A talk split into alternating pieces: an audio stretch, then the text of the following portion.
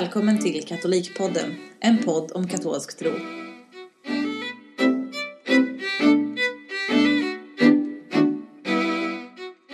Varmt välkomna till ett nytt avsnitt av Katolikpodden. Eh, idag så sitter vi hemma i, hos oss själva, jag och Alex. Hej hej. Hej. Vi sitter här hemma i våran soffa med eh, Emanuel som ligger här och sover i famnen på mig. Han är, han är nu två månader gammal och det är också en av anledningarna till att jag har varit borta från podden så länge. Eh, en bra anledning kan jag tycka.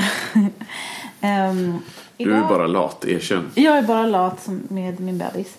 Ehm, idag så har vi tänkt att vi ska ge oss in på eh, sakramenten och där eh, ett sakrament som vi har varit med om alldeles nyligen, det vill säga dopet. Vi döpte Emanuel här för två veckor sedan va? Ja, det var det. Just det. Så vi kanske måste börja i änden av att förklara vad ett sakrament är. Eller hur? Vad, vad skulle du säga Alex om vi ställer dig mot väggen så här?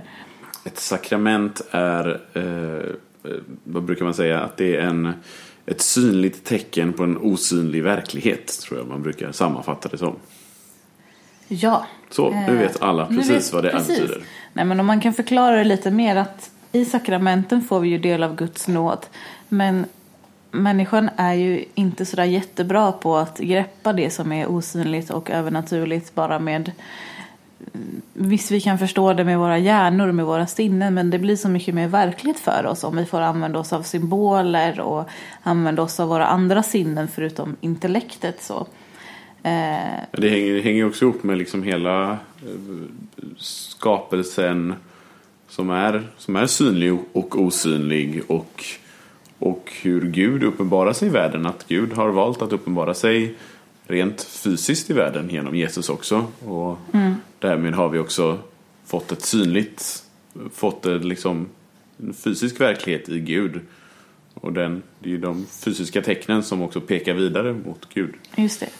Och de symboler vi använder oss eh, och eh, de prylar vi använder så att säga när vi liksom eh, eh, får del av sakramenten är ju till exempel krisman, den heliga oljan. Vi använder rökelse i mässan. Vi hör olika ord uttalas i liturgin och så vidare. Ehm, vilket gör att vi har mycket lättare att greppa den här osynliga verkligheten då. Ehm, och Alex, kan du rada upp de sakrament som finns? Ja, kyrkan har sju sakrament. Eh, ska jag se se om jag får ordningen rätt också. Eh, men dopet är ju först. Sen kommer eukaristin oftast, man går till första kommunion. Eh, nej, bikten kommer ju där ihop, de häng, hänger Mm, ihop. Eh, konfirmationen. Sen finns då eh, äktenskapet. Eh, vigningen, alltså prästämbetet och de sjuka smörjelser. Det blir sju va? Det är sju. Ja. Snyggt Bra. jobbat. Du har fått godkänt i katoliktestet. Tack, jag kan gå till första kommunion tror jag. Det är då man behöver lära sig dem. Ehm, och en, en förutsättning för att kunna ta emot sakramenten är ju att man har blivit döpt. Att man ska kunna emotta de andra sakramenten Just så att säga. Eh, så att man kan ju säga att dopet är ett slags inkörsport. Eller ja, inkörsport låter väl inte så himla positivt men Nej men det är det. Det är, det ju Ja, liksom det är väl att det- initiationens sakrament brukar man väl ibland Ja, säga. men om precis. Att det, det öppnar, öppnar dörren till de andra sakramenten, öppnar dörren till Guds nåd kan man säga. Eh, hur gammal var du när du döptes Alex? Det. Och jag var, jag var gammal. Jag var närmare ett år. Jag tror jag var typ nio månader eller så. Aj, aj, aj. Mina föräldrar orkade inte med. Liksom sjunde barnet. Så här, ska vi ha ett till dop? Orkar väl inte. Ja, ja. Ehm, ja. Själv var jag nog eh, tre månader tror jag. Ja. Om jag minns det rätt. Ehm, Ja, för det är också intressant just när, när, man, när man blir döpt. Så att säga. I fornkyrkan så hade man ju vuxendop. Jag menar, då döptes ju, när folk omvändes så, så döptes folk. Eh, och sen så småningom så, så införde man då barndop. Ja, alltså när jag läste nu inför den här podden så läste jag att man har gjort, haft barndop just redan från så här 100 efter Kristus faktiskt. Ja, det är nog möjligt. Ehm, Så det vanligaste är väl att, att barn döps. Ehm, så, Jag tänker även, även där finns det ju liksom vissa, alltså kyrkan säger ju, vad läste jag här? Jag läste, jag läste någonting i, i stiftets häfte så här om, om dop så stod det någonting om så här, när ska man döpas? Så då tror jag att det står att ett barn ska döpas sin, under sina första levnadsveckor. Typ, stod det. Eh, och det, det är ju väldigt olika. Vissa vill ju verkligen döpas så fort som möjligt. Och vissa vill ju vänta antingen på att barnet ska bli lite större för att det ska bli enklare på olika sätt. Eller så av olika anledningar så dröjer man lite längre. Eh, men det finns ju verkligen en... Eh, när, vår, när Rakel, eh, dotter som numera är sex, döptes så var ju hon några månader kanske. Tre. Ja, nu var ju Emanuel en och en halv månad ungefär. Och det var väl lite medvetet att vi ville göra det lite snabbare den här gången. Eller i alla fall från min sida. Att jag kände att jag, jag vill ha honom döpt. För han måste, han måste bli döpt liksom. Han, han ska bli ett, ett Guds barn på riktigt. Så, säga, så fort som möjligt. Och avsvärja sig djävulen och så vidare. Det, just dopet är, det är på riktigt. Liksom. Det är viktiga grejer. Mm, det är det. Ehm, alla odöpta människor får ju döpas. Ehm, och vilka är det som får döpa då? Det blir nästan som ett quiz för dig här Alex. Okej. Vilka som får döpa? Ja, Ja. Eh, ja, alla i någon mån. Alltså, I huvudsak så är det ju präster och diakoner. Eh, men eh, dopet är ju det sakrament som, som alla kan förmedla i nödfall. mm, det är väldigt intressant. Ehm, det, det enda liksom som, som krävs för att man ska kunna döpa är i princip att man är en människa. Man behöver inte ens vara döpt själv faktiskt i, i värsta fall, enligt vad jag har läst här.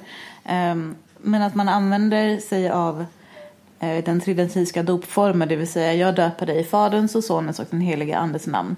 Och så ska man hälla vatten på den som man döper då. Ehm, och är det så att man eh, eh, själv inte är döpt eller att man så här, akut döper, då kallas det för nöddop. Och det gör man till exempel när nyfödda barn riskerar att, att avlida kort efter födseln innan de hinner döpas ordentligt så att säga. Ehm, eh, eller eh, sådana som ångrar sig kanske och vill bli döpta på sin dödsbädd eller någonting i den stilen. Det liksom, handlar om, det, det är nöd helt enkelt. Och så man kan ju säga att dopets sakrament har mycket, alltså väldigt mycket med intentioner att göra. För dels så eh, öppnar det liksom upp för en helt ny värld. Men sen handlar det också om att ehm, om intentionen är att bli döpt eller att döpas. Då, eh, då gills det på ett sätt också i anden kan man säga. Så ett blodsdop finns ju till exempel kan det kallas. Jaha. Till exempel om man dödas för sin tros skull fast man ännu är, inte är formellt döpt så Ja, om man- anses man döpt. Om man dödas för sin tro. Ja, om man, precis. Om man liksom martyr, dör martyrdöd fast man inte är liksom Om död. du, om du är katekumen typ, du är på väg att döpas men du är Ja, inte... precis. Eller du inte haft möjlighet eller någonting sånt där. Okej. Så kallas det för blodsdop. Coolt. Lite kuriosa. Ja, det var nytt Ehm, för mig. Ja, det är, man lär sig mycket när man läser. Men eh, varför ska man döpas då? Ja, Vad är grejen? Ja, det var ju lite som jag, som jag sa nyss. Att det här, det... Dopet är ju verkligen en, ja det är ett osynligt tecken, eller det är ett synligt tecken på en osynlig verklighet. Eh, och den, i dopet så, så blir man ju verkligen ett Guds barn, så att säga. Man, eh, man inlemmas i, i kyrkan, i, i Kristi kropp. Och man, i dopet ingår det ju också en, en exorcism. Nu, nu för tiden är det en ganska liten och enkel form av exorcism. Mm. Tidigare så var ju det en, en mer, mer tydlig och mer, lite mer omfattande. Mm. Men det är också verkligen ett, ett, av, ett avsägande, ett, av, en, ett avsvärjande av, ut, avsägande av djävulen. Mm. Och, eh, och i doplöften också så gör man det återigen. Att man avsäger sig djävulen eh, och, och, och bekänner sin tro på Kristus. Och det, det är ju i någon mån verkligen fundamentalt för, för livet om man vill ta det på allvar. Ja, precis. Man kan ju verkligen grovt förenklat kan man säga att dopet är liksom ett medlemskap i kyrkan på något sätt. Lite grann så. Eh, vi, precis som alla föräldrar, vi vill ju våra barns bästa. Och för, eftersom vi är troende kristna så tror ju vi på att den verkligheten och den ehm, det sättet att leva och den sanning som kyrkan har med sig, att det är det bästa för våra barn. Så därför vill vi såklart döpa barnen. Um, vi prat, du pratade om att man blir en inlämnad i Kristi kropp, att vi blir en levande del av hans heliga kyrka. Vi pratade i, i något poddavsnitt för ett tag sedan om um, gemenskap och så här, eller hur? Ja. Och då pratade, då snurrade jag bort mig i någon slags metafor om katedralbyggen och sånt här, eller hur? Just det. Nu har jag spunnit vidare på det här. Aha, spännande. Eh, att man gjuts till en, en, liksom en tegelsten som kan användas i det här katedralbygget typ. genom Ja, i dopet. Ah. I dopet så blir vi små tegelstenar som vi kan lägga på. Snyggt. Yes. Ja, det är bra. Det blir som en liksom löpande tråd här i podden. Ja. Ehm, Ja men då har jag en till löpande tråd i podden. Ja. I, i, eh, om det nu blir förra avsnittet tror jag, jag minns inte hur det nu blir. Eh, när vi pratade om barn och unga och tron. Mm. Eh, så var vi lite inne på det här också just att att eh, ja, som förälder så vill man förhoppningsvis liksom att det är därför man tar barnen till undervisning och så vidare. Att man, man vill, vill att barnen ska få med sig tron och så Mm. vidare. Jo, för det är ju det bästa. vi Ja, har. men, men vad vi sa då och vad som är intressant är också just det här att eh, folk döper sina barn och det är jättebra. Men sen då? Sen kanske de dyker upp i undervisningen när det är dags för första kommunion och de har inte här, varit i kyrkan med barnen någon gång. Och det blir så, det är också, det är så konstigt på något sätt. Ja, och Varför- det är ju också man- tvärt emot vad man har lovat också under Ja. ritualen. Det är Ja, lite roligt så här. Alltså de som medverkar eh, runt omkring då i dopet det är ju då såklart det är barn som döps om man har barndop. Och så föräldrarna såklart. Och eh, faddrarna. Och eh, både föräldrar och faddrar lovar att uppfostra barnet i den katolska tron efter sin bästa förmåga. Mm. Så man har ju faktiskt lovat. ehm, de här faddrarna är, kan ju också bara, det kan ju ses som en så fin gest att man väljer någon fadder typ, men de är ju faktiskt också jätteviktiga. Det står i eh, katekesen att de ska vara pålitliga troende människor som har förmågan och är beredda att hjälpa den nydöpta på den kristna livsvägen. Så det är faktiskt ett ganska redigt åtagande. Ja, det är ju det. Precis. Eh, För så man kan inte bara utse någon liksom så, utan man måste faktiskt hitta vettiga, rimliga människor. Eh, jo, det är ju som det finns... Shout out Patrik och Paula som blev gudföräldrar till Emanuel. Precis. vi, vi, håller, vi, håller, vi håller ett tight ship här på Katolikpodden. Ehm, nej men det är, ju, det är ju lite intressant. Det är lite som... eh, Det är ju det att, att eh, ofta så reduceras ju eh, sakramenten och både dopet och första kommunionen och, och Konfirmation. konfirmationen och även liksom Äktenskap. vigseln. Ja precis. Ja. Eller vigseln till liksom fina ritualer som är som är roliga, det är en familjefest, det är tillfälle att, att göra något fint Det tillsammans. markerar en milstolpe på Ja, sätt. på något så. sätt. Men, men den här, då blir det, då fastnar man bara vid, vid det synliga tecknet. Men, men det, man struntar i den osynliga verkligheten bakom det. Ja, precis. Nu är du konfirmerad, nu kan du få en moppe typ. Ja, precis. Istället för att nu är du konfirmerad, nu har du bekräftat din tro på den enda sanna guden och hans heliga kyrka. Precis. Det är lite mera, det blir lite mer hardcore på det sättet om man tänker så här, nu har jag verkligen sagt att jag tror på det här. Ja, precis. Jo, men och likadant med dopet. Så här, grattis, du fick bli fadder. Åh, det, det var ett hedersuppdrag. När var du senast i kyrkan? Typ. Nej, men, inte för att dissa så här, men, men just det här som du säger att det är, det är ju inte bara ett hedersuppdrag, det är det ju. Men det är ju också ett, ett, ett väldigt viktigt uppdrag. Ja. Och någonting som, som, som också försummas ganska ofta utan det också reduceras till, till en fin gest som du sa. Eller till, ja, Sen är det ju svårt att så här, uppfostra en bebis till att vara en god kristen. Men man får väl kanske ta sitt uppdrag på större allvar lite senare. Ja precis, bebisen växer ju också. Den Jo, blir, jo. blir större. Den gör ju det. Men vi, om vi tittar på dopet genom liksom bibelhistorien och sådär så syns ju det väldigt långt bak. Till exempel Jesu dop var ju eh, startskottet för hans offentliga liv så att säga. Och eh, också det tillfälle som Gud eh, visade Jesus för oss och sa det här är min älskade son, eh, min utvalde son, han är min älskade. Liksom. Att, eh, fram tills dess hade hans liv varit lite mer anonymt. Men nu när han liksom steg ner i floden Jordan och lät sig döpas av Johannes döparen så blev det verkligen så himla utpräglat och eh, tydligt hur Gud har skickat oss sin son för att himlen öppnade sig och det kom en duva från himlen och det kom en röst ifrån himlen och sa detta är min utvalde son och han är min älskade. Ehm, Det visar verkligen hur dopet tilltalar oss människor och säger du är min son, min dotter. Att Gud, Fadern, tittar på oss enskilt som individer. För det är ju så också att våran tro är ju inte bara att vi är en stor kyrka, en grupp av människor som Gud tittar på i en helhet utan han tittar ju på oss personligen. Dig har jag valt. Det är fint. Sen, sen så var ju Jesus lite mer utvald än vi. vi jo, andra. jo, jo, helt klart. Han var ju faktiskt Guds son på riktigt, inte att bara... Jesus bara var den första som han blev utvald, utan Nej, nej, liksom ja. att det är ändå Jo men precis så är det ju. Och sen också hur eh, man kan ju benämna liksom Jesu lidande och död på korset som, som lidandets dop. Ett dop av blod och vatten. Det här är också så fint för man använder ju eh, välsignat vatten vid dopet.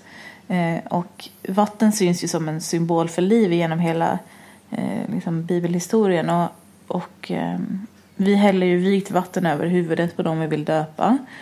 Eh, vi korsar oss med vigvatten varje gång vi går in i kyrkan för att påminna oss om dopet. Och vi eh, skvätter en massa vigvatten i våra hem varje år. Eh, om man har Mm. den traditionen. Och så. Och när Jesus hängde på Ja, korset även, så... även vid mässan och vid andra tillfällen när det är vigvatten. Ja, ja visst. Alltså massor hela tiden. Men det är bara...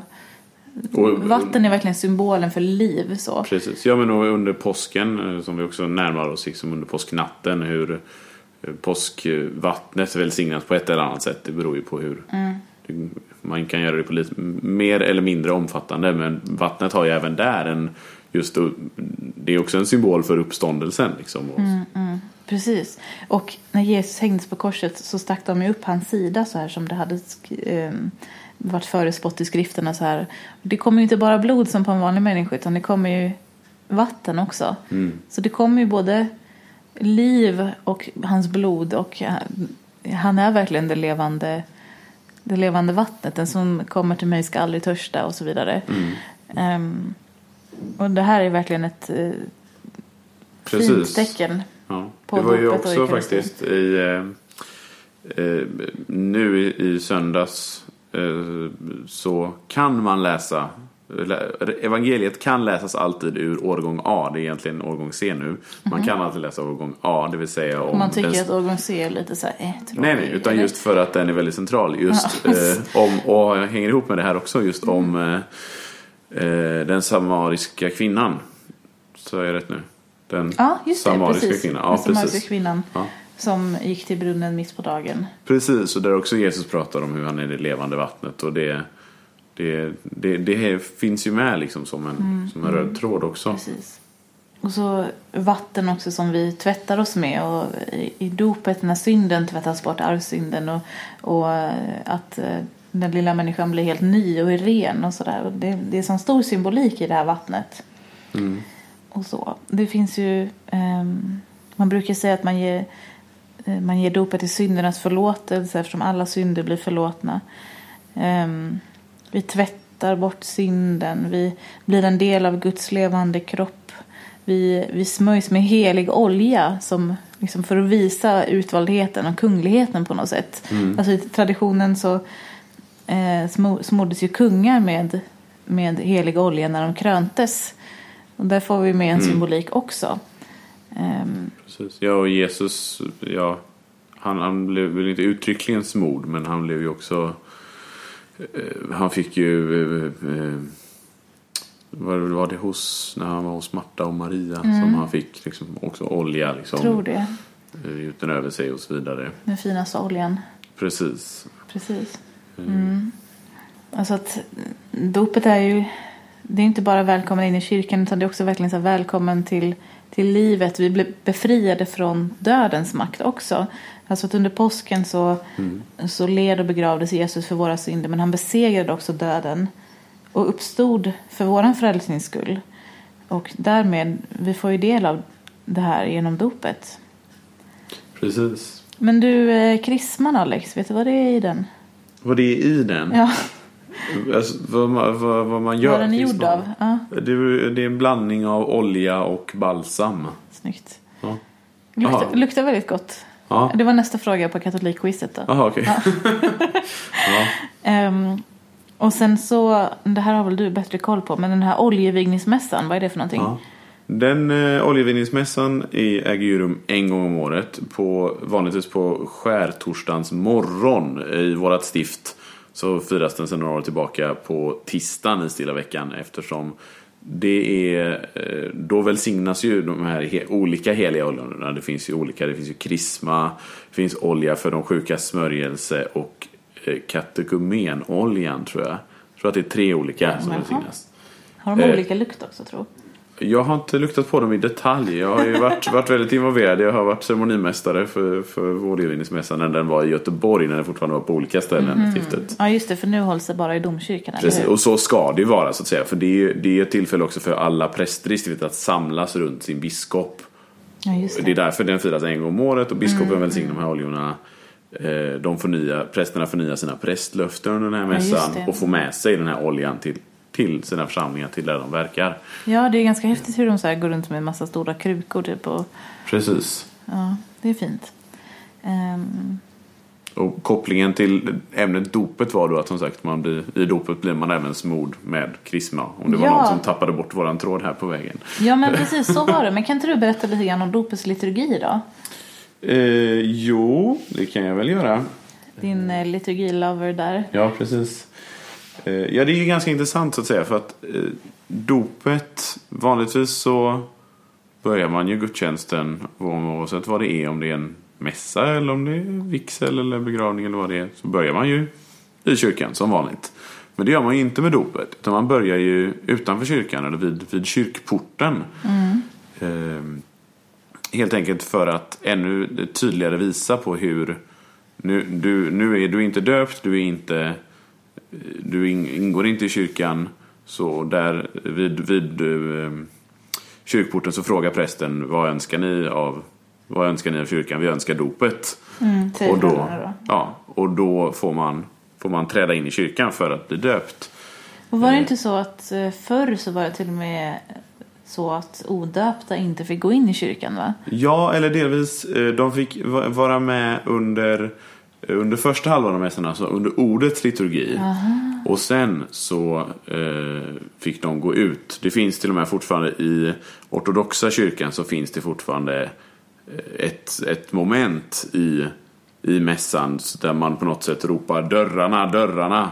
Typ. Och då innebär det att mm, ja, de odöpta ska gå ut och man ska stänga dörrarna. Jaha, minsann. Ehm, Och, och därför var det också tidigare så skedde ju då dopet inte i själva kyrkan just av, av den anledningen också att de, de döpta skulle inte vara i kyrkan på riktigt så att säga. Ja, utan ja, det ja. fanns separata dopkapell. Ja, för under halva liturgin så är ju ungen fortfarande odöpt eller den vuxne. Precis, Ja. precis. Ja, ja. Ehm, Men eh, det är ju ja, det är lite opraktiskt kanske. Men och det är därför det är också i många kyrkor fortfarande än idag så är ju dopfunten på något sätt bak i kyrkan. Ja, just det. Och inte fram i kyrkan. Det är ju, alltså det, det är ju väldigt vanligt att ha dopfunten framme också.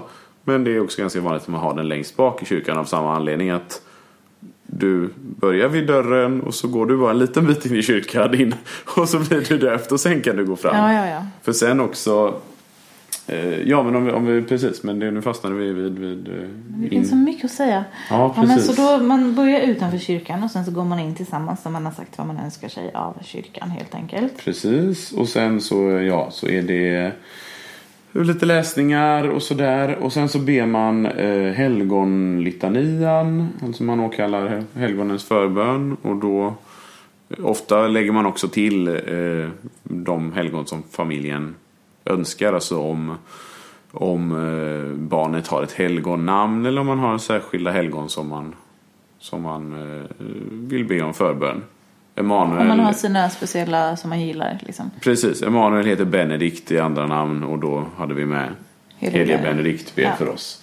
Ehm, och sen efter detta så kommer då den här lilla exorcismen eller eh, bön om befrielse från den ondes makt står det formellt i, Alltså jag tror media har förstört exorcism för mig. Det är ordet just, att det blir så himla knasigt typ. Att det, det känns som att det ska vara så himla Men det är ju den här osynliga verkligheten som pågår Ja, verkligen. bortom liksom slöjan kan man säga. Precis. Jag, jag, kan, ju, jag, kan, ju snar, jag kan ju snarare tycka kanske att så här, man har tonat ner det lite för mycket. Att så här, just det finns ju verkligen en... Vi behöver befrielse från den Ja, onda oh ja, det gör vi verkligen. Eh, ja.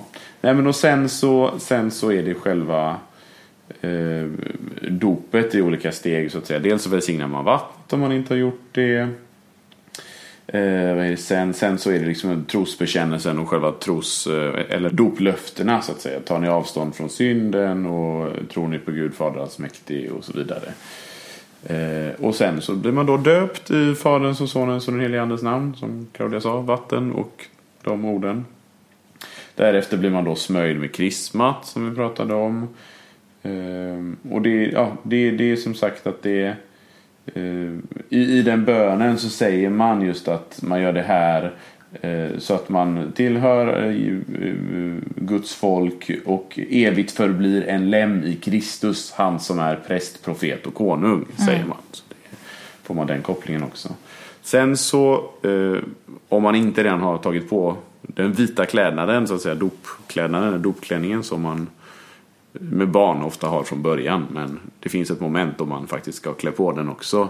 När man då blivit döpt så får man Till ta hela emot. publikens stora glädje när bebisen kräks över hela dopklänningen Ja, eller något det- sånt där. Precis. Det är Eh, en lite så här eh, underhållningsinspelning. ja, men det är inte det som är Nej, poängen. Är inte det som är poängen.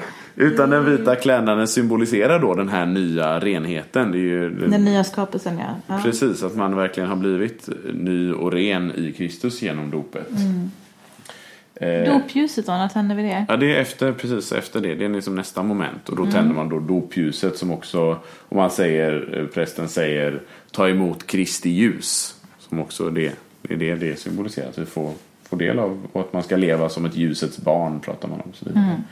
Och sen är det ett ganska intressant moment eh, där, där prästen lägger eh, eh, händerna på, på öron och mun och säger effata. Ögon också va? Eh, ja, nej. Ja, jo, kanske. Ja, hur det nu är. Eh, och se, men han säger i alla fall effata, alltså, vilket betyder öppna dig. Och det var det Jesus sa till när han botade dem. De Han- blinda. Precis, de blinda och de döva och de stumma. Och att man på samma sätt ska, ska vara eh, öppen för, för Guds ord och, och få, få öppen för att ta, ta emot Gud helt enkelt. Ehm, och det är ett ganska intressant, eh, intressant moment. Eh, ja, och sen så ber man Fader vår och det finns speciella välsignelser för föräldrarna och så vidare. Och så avslutar man ofta för, eh, med mm, Maria.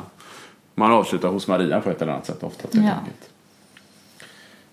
Men då det är också intressant för det finns Det är ju någonstans här då efter att man blivit döpt som man ofta går eh, till altaret. Alltså man, man återigen, man kommer en bit för bit Närmare och närmare. Precis. Eh, Och i de, jag tror att i, i ortodoxa kyrkan, om jag inte minns fel, så får barnen också ta emot kommunion. Redan där. Eh, Det har vi då inte i katolska kyrkan. Men då utan då har man... de senare? Nej, nej, utan är barndop och så får de ta Eh. emot, får de ta emot kommunionen. Också så att så här, nu är du, nu är du, nu är du med i kyrkan liksom. Nu, Här ta emot Kristus hela vägen. Ja. Det, gör ju inte, det gör ju inte vi. Eh, Men som ytterligare tecken på det så går man då fram till, fram till altaret i alla fall. Eh, Som också visar att hit, hit ska du, så småningom i alla fall. Så småningom får du komma att inför altaret ta emot Kristus fysiskt också. Precis. Ja, det är fint. Det är, det är väldigt djupa innebörder. Ja, det är ju det. det som, det som det ofta är i, i liturgierna så finns det så, de är, liturgin är så otroligt rik och det finns så otroligt mycket att hämta om man bara skrapar på ytan av allt det fina och trevliga som, som, som de här riterna också är, som vi pratade om. Att det Men sen är det ju fint och trevligt också. ja, absolut. Så. Det är, jätte, det är det. Är, det Det är jättefina salmer till dopet till exempel. Trygga räkan. Den klassiska dopsalmen. Trygga räkan. Kyrkomusikerns bästa. Ja, men det, det, det, var, det var ju till och med så att eh, sjöng den för Rakel någon gång och hon bara Vadå trygga räkan? och jag bara ja. Det, Tryggare kan ingen Tryggare vara. kan Ja. ingen vara. Precis, ja. Vem som satte den texten till den salmen vet jag inte. Det var en dålig idé. Nåväl, alla vet ju vilken det är i alla fall. Ja, ja. Ja. Och det finns andra fina dopsalmer Ja, också. det finns det absolut. Ja. Ehm, vill du tillägga något? Jag tror att vi har eh, gått igenom dopet på ett hyfsat bra sätt. Om vi har missat något får ni förlåta oss. Ja, Och eh, man Eller- kan alltid läsa vidare ja. på egen hand. ja eller höra av er och klaga eller, eller något. Det här var det dummaste ni någonsin har sagt. Precis. Nej, kanske inte. Vi har nog sagt ganska många dumma saker. Ja. ja. ja. Men vi ska också göra en liten en till eh, shout-out. Ja, just det. Till våra norska fans som vi fick eh, träffa eh, en av i alla fall härom, Ja. härom veckan. Anja, det var väldigt kul att träffa dig. Väldigt roligt. hoppas att du sprider Katolikpodden till ännu fler i Norge. Yay! Och med Ja. det kanske vi säger tack för idag. Tack för idag. Klart slut. Du har lyssnat på Katolikpodden. Du kan nå oss på katolikpodden gmail.com.